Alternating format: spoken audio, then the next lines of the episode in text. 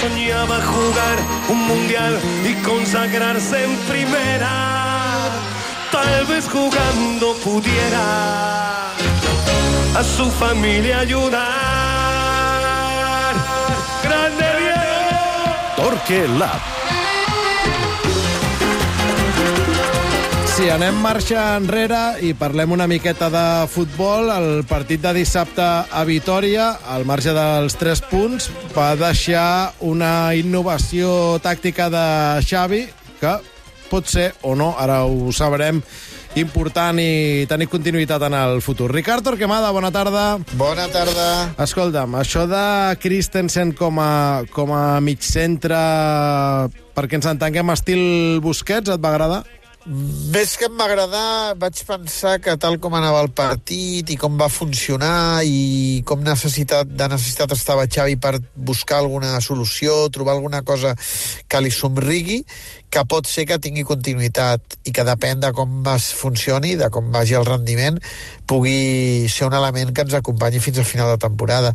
Ja sabeu que Xavi, eh, que la temporada passada va crear allò dels quatre migcampistes i de seguida va volar, i que aquesta temporada faltava com ajustar. Vam començar pensant com ajustaria jugant amb Valde i Cancelo als laterals, no va acabar de funcionar, eh, va haver la lesió de Cancelo, després la lesió de Valde, eh, diríem que tots els accidents que, ha, que, que han anat passant han limitat tant la idea dels quatre migcampistes com, com ajustar el tema dels dos laterals, però en canvi eh, ara ha arribat el moviment. Eh, jo, jo estic content que Xavi no s'hagi conformat, que hagi buscat solucions a una cosa que l'obsessiona i que, i que ha denunciat aquesta temporada, que és els, són els problemes que tenia l'equip per aturar les transicions rivals. No? Era una, mm -hmm. És una cosa que, que el té posseït i que vam veure absolutament eh, fora de si el dia del Villarreal, aquell, aquella esbroncada de Pedri en el, en el 2 a 3, mm. eh, de, sí, sí. de Pedri, la falta, la falta, no? Bé, doncs jo crec que ha buscat una solució a això, un tap, un tap a una qüestió que ell eh, considera capital, que hem de veure quin pes tenia eh, en, el, en el diagnòstic, però que jo crec que ell considera capital, i, i l'ha buscat a través de posar un central i, i ajuntar Pedri Gundogan entre línies, que era una cosa que tampoc havia pogut fer, producte de tota aquesta d'aquestes situacions, perquè eh, Gundogan es va convertir en el soci de De Jong quan Romeu va caure de l'equació, i fins i tot quan ha avançat Gundogan han endarrerit Pedri, però gairebé Pedri i Gundogan entre, línia, entre línies els hem vist ben poquet, és una manera d'alliberar-los eh, i de tenir algú molt pendent de les vigilàncies, de les transicions rivals, de, de blindar la defensa, tenir un mig centre per davant de la defensa que estigui pendent de tot això, que uh -huh. també feia Busquets i que ara no, l'equip no trobava. I quina, quina virtut trobes que té Christensen eh, que et fa pensar que, que funcionarà o que, que hi pot sí. tenir continuïtat?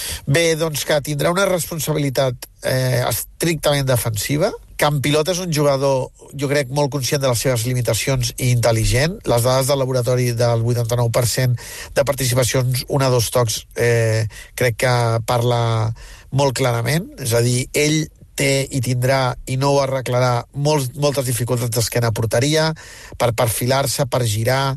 És un jugador que és alt, eh, que, que no és ràpid, diríem, de, de cintura eh, en el desplaçament lateral.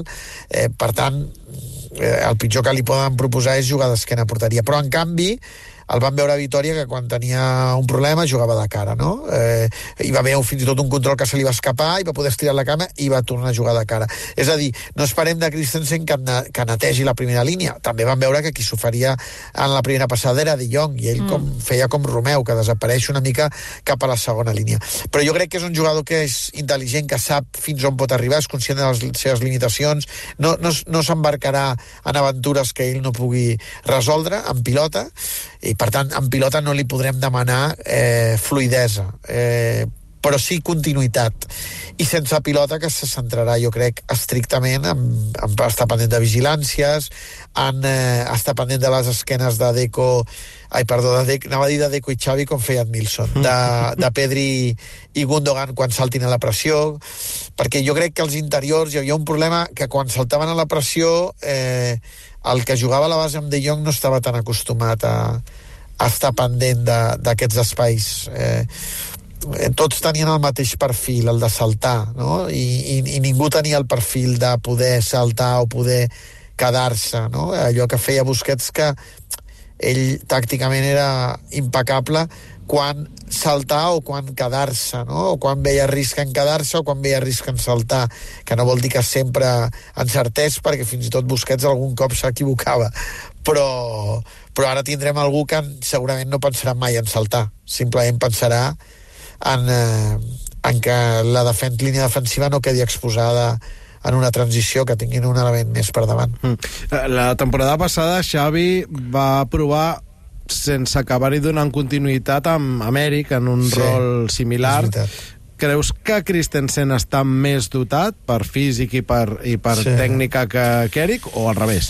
Jo crec que, jo crec que Eric potser estava més ben dotat per, per donar fluidesa a la sortida, tot i que jo crec que tenia el mateix problema. Jugadors que, que han jugat sempre de cara, uh mhm. -huh. de cop i volta posar-los d'esquena, per ells és, és molt, molt delicat, molt complicat, els perfils, però potser Eric és un jugador que domina més els perfils que Christensen, és, és un jugador més, més baixet, més, eh, més dinàmic, però jo crec que Christensen t'aporta el punt de contundència defensiva o de, o de, o de fonaments defensius que potser Eric no tenia, no? Eh, o sigui, jo crec que a vegades quan, quan un jugador el poses en un rol que no és el seu adequat i ell es considera limitat, selecciona bé on ha de posar les energies. Eh, eh, i, i, eh, no sé si m'explico. Sí. Eh, ja, ja, ja sap on no arriba i sap quina és la seva funció si juga allà. I, per tant, concentrar-se específic... I li multipliques la concentració. Exacte. Concentrar-se específicament en una funció eh, de dir, escolta'm, que no corrin, eh, vigila les esquenes dels interiors, has de compensar, si has de fer una falta, fes la falta, no saltis. Eh, I en pilota, el més fàcil possible.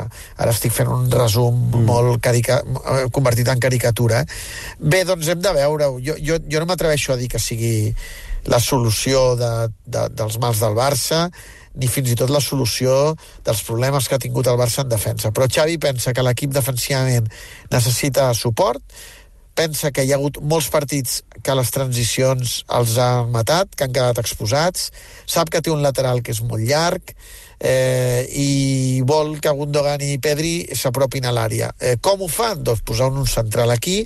Ell pensa que pot, diríem, li pot quadrar eh, tots els problemes. Hem de veure com se sent eh, Christensen i si, i si l'equip troba aquest punt d'unes químiques noves que flueixin a vegades tocant una peça, eh, el que vol fer Xavi és tocar una tecla i que les coses s'ordenin. Em, no ho sabem, però jo crec que és molt bo que Xavi ho provi, que no, mm. que no, no, que no, no, no es deixin a la inèrcia i digui és que això ja, ja ves que, com vols que posi un central aquí? És que no tinc, no tinc un altre mig centre. També t'he de dir que hi ha, hi, ha un, hi ha un tema que és el tema Marc Casador que jo crec que Xavi ha de veure'l eh, o sigui, no l'ha de veure gens per assumir aquesta responsabilitat, perquè s'ha atrevit mm. amb molts futbolistes joves. Bé. Sí, sí, a mi, a mi em sorprèn especialment si que no, no ho hagi provat. Eh, però és cert que, jo no sé si és una qüestió de les quotes de jugadors joves que ja eh, té dintre clar, de, que té molt de la plantilla. Dir, no? Clar, que, que potser clar. seria introduir pot una ser, peça del puzzle més. Clar. Però és veritat que Xavi no és dubtós amb ser valent amb els joves no. i que un cop Oriol Romeu no li ha funcionat, sí. si tens un especialista en aquesta posició, Clar, sobta que, que provis sobta, abans sobta. Eh, una reconversió que eh, veurem, veurem quina continuïtat té. Sobta perquè a, més, perquè a més a les convocatòries hi va, als entrenaments hi és, vull dir que és un sí, jugador sí. que, que l'acompanya, però aquest pas endavant en una posició on el Barça té un problema, potser tampoc no el veu prou madur defensivament per assumir aquestes responsabilitats, quan el problema ell considera que és més defensiu que no, que no un altre perquè, perquè quan provava jugar amb De Jong i Gundogan Eh. Vull dir, el, el problema el tenia perquè l'equip no tancava bé, no? Però no quan, no, no, no quan es, es expressava en pilota. Està molt bé, jo crec que Xavi faci, comenci a remenar, centri les energies en, en trobar com eh, cosir eh, les, les coses que té la sensació que no, que no que estan obertes, no? Molt bé, doncs veurem com funciona aquest, uh, aquest nou, i dit amb tot el respecte, invent de, de Xavi, que, com diu el Ricard Torquemada, segurament era obligat fer-lo tenint en compte les deficiències defensives que havia exhibit l'equip fins ara. Ricard, gràcies, abraçada. Adeu.